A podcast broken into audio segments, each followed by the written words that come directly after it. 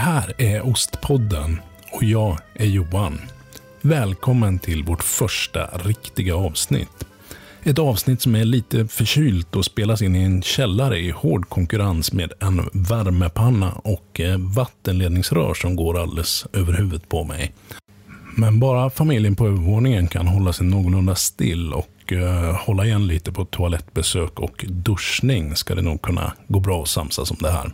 Första avsnittet som sagt. Och var ska vi börja? Om inte tänker jag med eh, hur det hela började.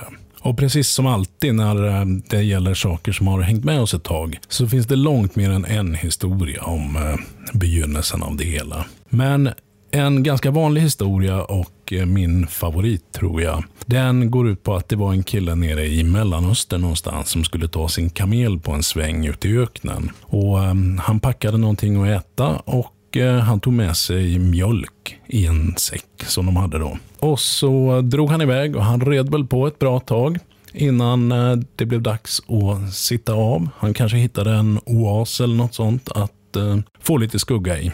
Jag vet inte om han började med köttet eller mjölken, men när han tog sig an mjölken var det i alla fall så, enligt storyn, att han öppnade säcken och upptäckte att det var inte längre mjölk där, utan det var en klar vätska och eh, lite geléaktiga klumpar.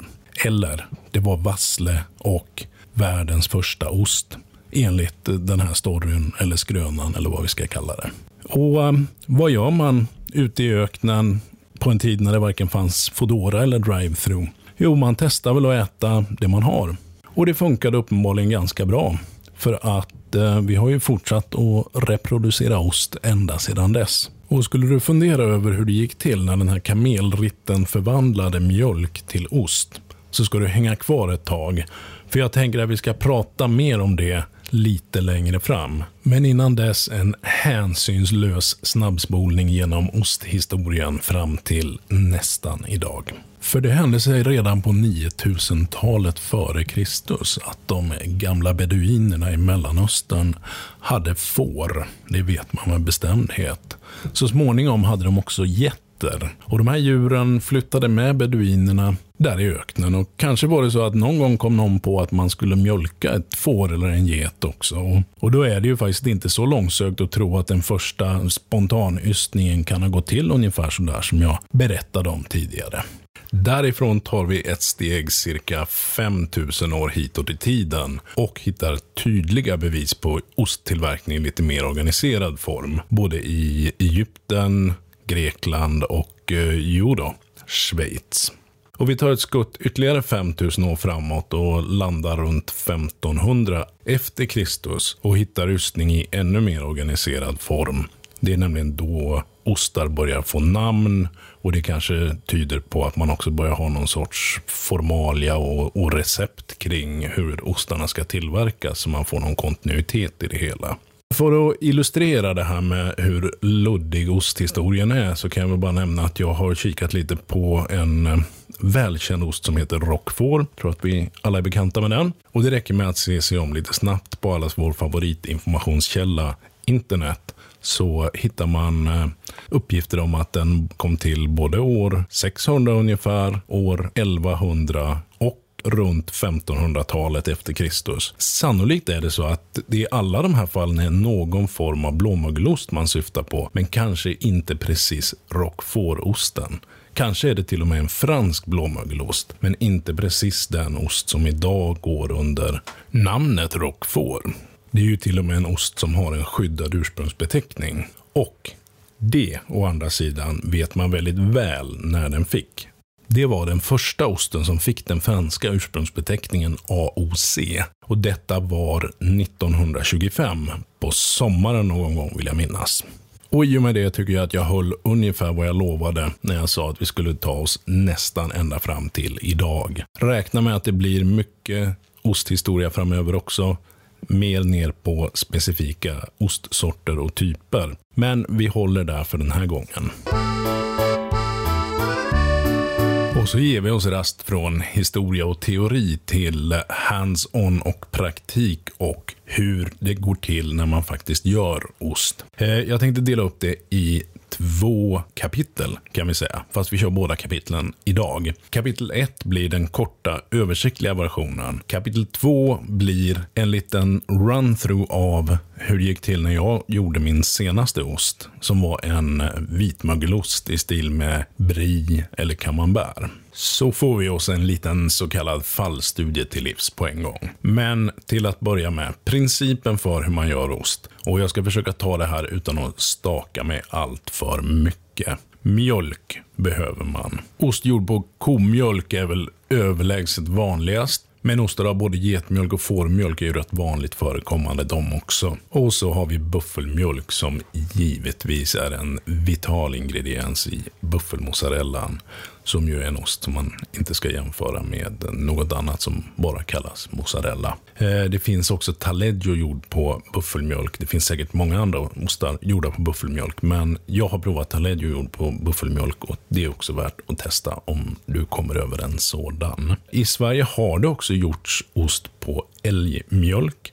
Det sägs vara världens dyraste ost och jag är inte säker på att det fortfarande tillverkas. Någon gång i historien sägs det också att man gjort ost på lejonmjölk. Men kom då ihåg att eh, Historien är full av skrönor. Jag tror inte lejonmjölk är en särskilt lämplig mjölk att göra ost på, så det är säkert bara någon macho-grej om man verkligen skulle ha gjort det. Det finns givetvis mycket mer att säga om mjölk och jag planerar att vi ska göra det i ett kommande avsnitt där vi bara pratar om mjölk. Men nu går vi på den här processen för hur man gör ost. Och innan jag gör det så vill jag bara påpeka att det här givetvis inte är en process som används för alla ostar i hela världen.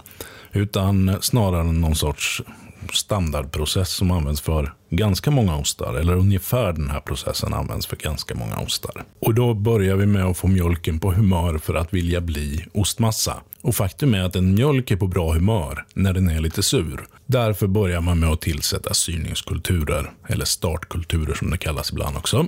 Ungefär samtidigt med startkulturerna kan man också tillsätta mögelkulturer om man ska ha några sådana. Och sen får man vänta ett tag tills eh, mjölken har kommit in the mood så att säga. Sedan, när man är där, så gäller det att ha mjölken på rätt temperatur. Vanligt är att den ligger runt 30 grader ungefär. Och nu är det dags att tillsätta den magiska lilla ingrediensen som får mjölken att stelna till och bli ostmassa, att bli ett koagel. Den magiska ingrediensen heter löpe. Så man tillsätter en skvätt av det. Sen är det bara att vänta ett tag igen tills man får en eh, lite så här yellowartad kl vit klump i sin gryta. Då har man ett koagel och det är dags att börja skära upp det i bitar. De bitarna skär man i lite olika stora bitar beroende på vilken osttyp man gör. Och när man har fått till de här bitarna så ska de röras om och de ska vila i lite olika scheman. Återigen beroende på vad man vill ha för slutresultat. När omrörning och vila är klart, då ska ostmassan upp i formar. Och ostformar kan se ut på lite olika sätt. Jag, eh, jag postar eh, några bilder på dem jag använder på Instagram. Men eh, för att försöka ta ett exempel, så en typ jag använder ser ut som ett, ska vi säga, ett ganska stort sånt här avloppsrör i plast. Det låter kanske inte toppen. Eh, I vit plast åtminstone om det är någon tröst med hål i. För även om mjölken delas upp i den här fasta ostmassan och det som heter vassle när den stelnar så finns det fortfarande väldigt mycket vätska kvar även i ostmassan. Så avrinning behövs kort och gott. Och har vi gjort allting rätt nu så har vi formar med ostmassa i. Och Då gäller det att vänta lite grann så de får rinna av då, som jag pratade om. Så vänder man dem och så låter man dem fortsätta rinna av. Och vartefter vätskan rinner av så kommer vi allt närmare något som liknar en ost i den där formen. Och eh, så var det klart eller? Skulle man smaka på det här så smakar det ungefär som en lite sötaktig keso. Och det är inte riktigt det vi är ute efter. Så vi har en bit kvar innan det här är klart. Nu ska vi få igång mognadsprocessen i ostarna. Och det får man vanligtvis genom att låta dem stå framme i rumstemperatur under eh, några dygn. Återigen, lite olika beroende på vilken ost man ska göra. Och antingen torrsaltar man osten, vilket innebär att man gnider in ytan med salt. Eller så eh, doppar man den i saltlake. Och nu närmar vi oss den punkt där man faktiskt kan börja låta tiden göra största delen av jobbet. För när osten gjort sina första dygn i rumstemperatur, om det är en sån ost vi gör, och vi har saltat den på det sätt vi ska göra, så ska den sannolikt ner på en lite lägre temperatur. Och även det varierar en hel del. Det kan vara 10 grader eller 16 grader, eller till och med något litet schema för att förändra temperaturen under lagringens gång. Så eh, ner i grottan med osten och eh, låt den stå där och bli klar. Och har man ingen grotta kan man göra som jag. Som har skaffat kylskåp som jag har sett till att modifiera lite grann så jag kan få upp en lite högre temperatur i dem. En annan detalj som är nog så viktig för lagringen är luftfuktigheten där man har ostarna. De vill ha det väldigt, väldigt fuktigt. Ofta lite över 90% luftfuktighet. Grottor och jordkällare är givetvis alldeles utmärkta för sånt här, men det finns en del tricks för att få till det även i lite mer konstgjorda miljöer. Och trots att man nu fått ner ostarna i sin konstgjorda eller konstruerade grotta är det inte att bara luta sig tillbaka och vänta på att man ska få en god ost om några veckor eller månader eller år för den delen. Det är faktiskt så att det vid sidan om ysterier också finns affinörer. De som tar hand om de unga ostarna och mognadslagrar dem fram till dess att de är perfekta. Och Det finns de som hävdar att själva produktionen av osten är ungefär 20 procent av slutresultatet. Mogningslagringen, eller affinaget, är 80 procent. Så um, lite jobb får man lägga där på slutet också innan man får en god ost att njuta av. Och Jag inser nu att det här blev en ganska omfattande genomgång ändå av hur man gör ost. Så jag tror vi hoppar över den där genomgången av hur min vitmögelost blev till så gör vi ett nedslag i verklighet när jag gör min nästa ost istället, som också förhoppningsvis blir min första kommersiella ost. Och eftersom den osten antagligen blir en ost i stil med halloumi så får vi en snygg P3-övergång till en glad nyhet här. För även om det är många som gör ostar som liknar halloumin är det långt ifrån alla som får kalla sin ost för halloumi. Den är varumärkesskyddad och jag tror åtminstone att den måste tillverkas på Cypern.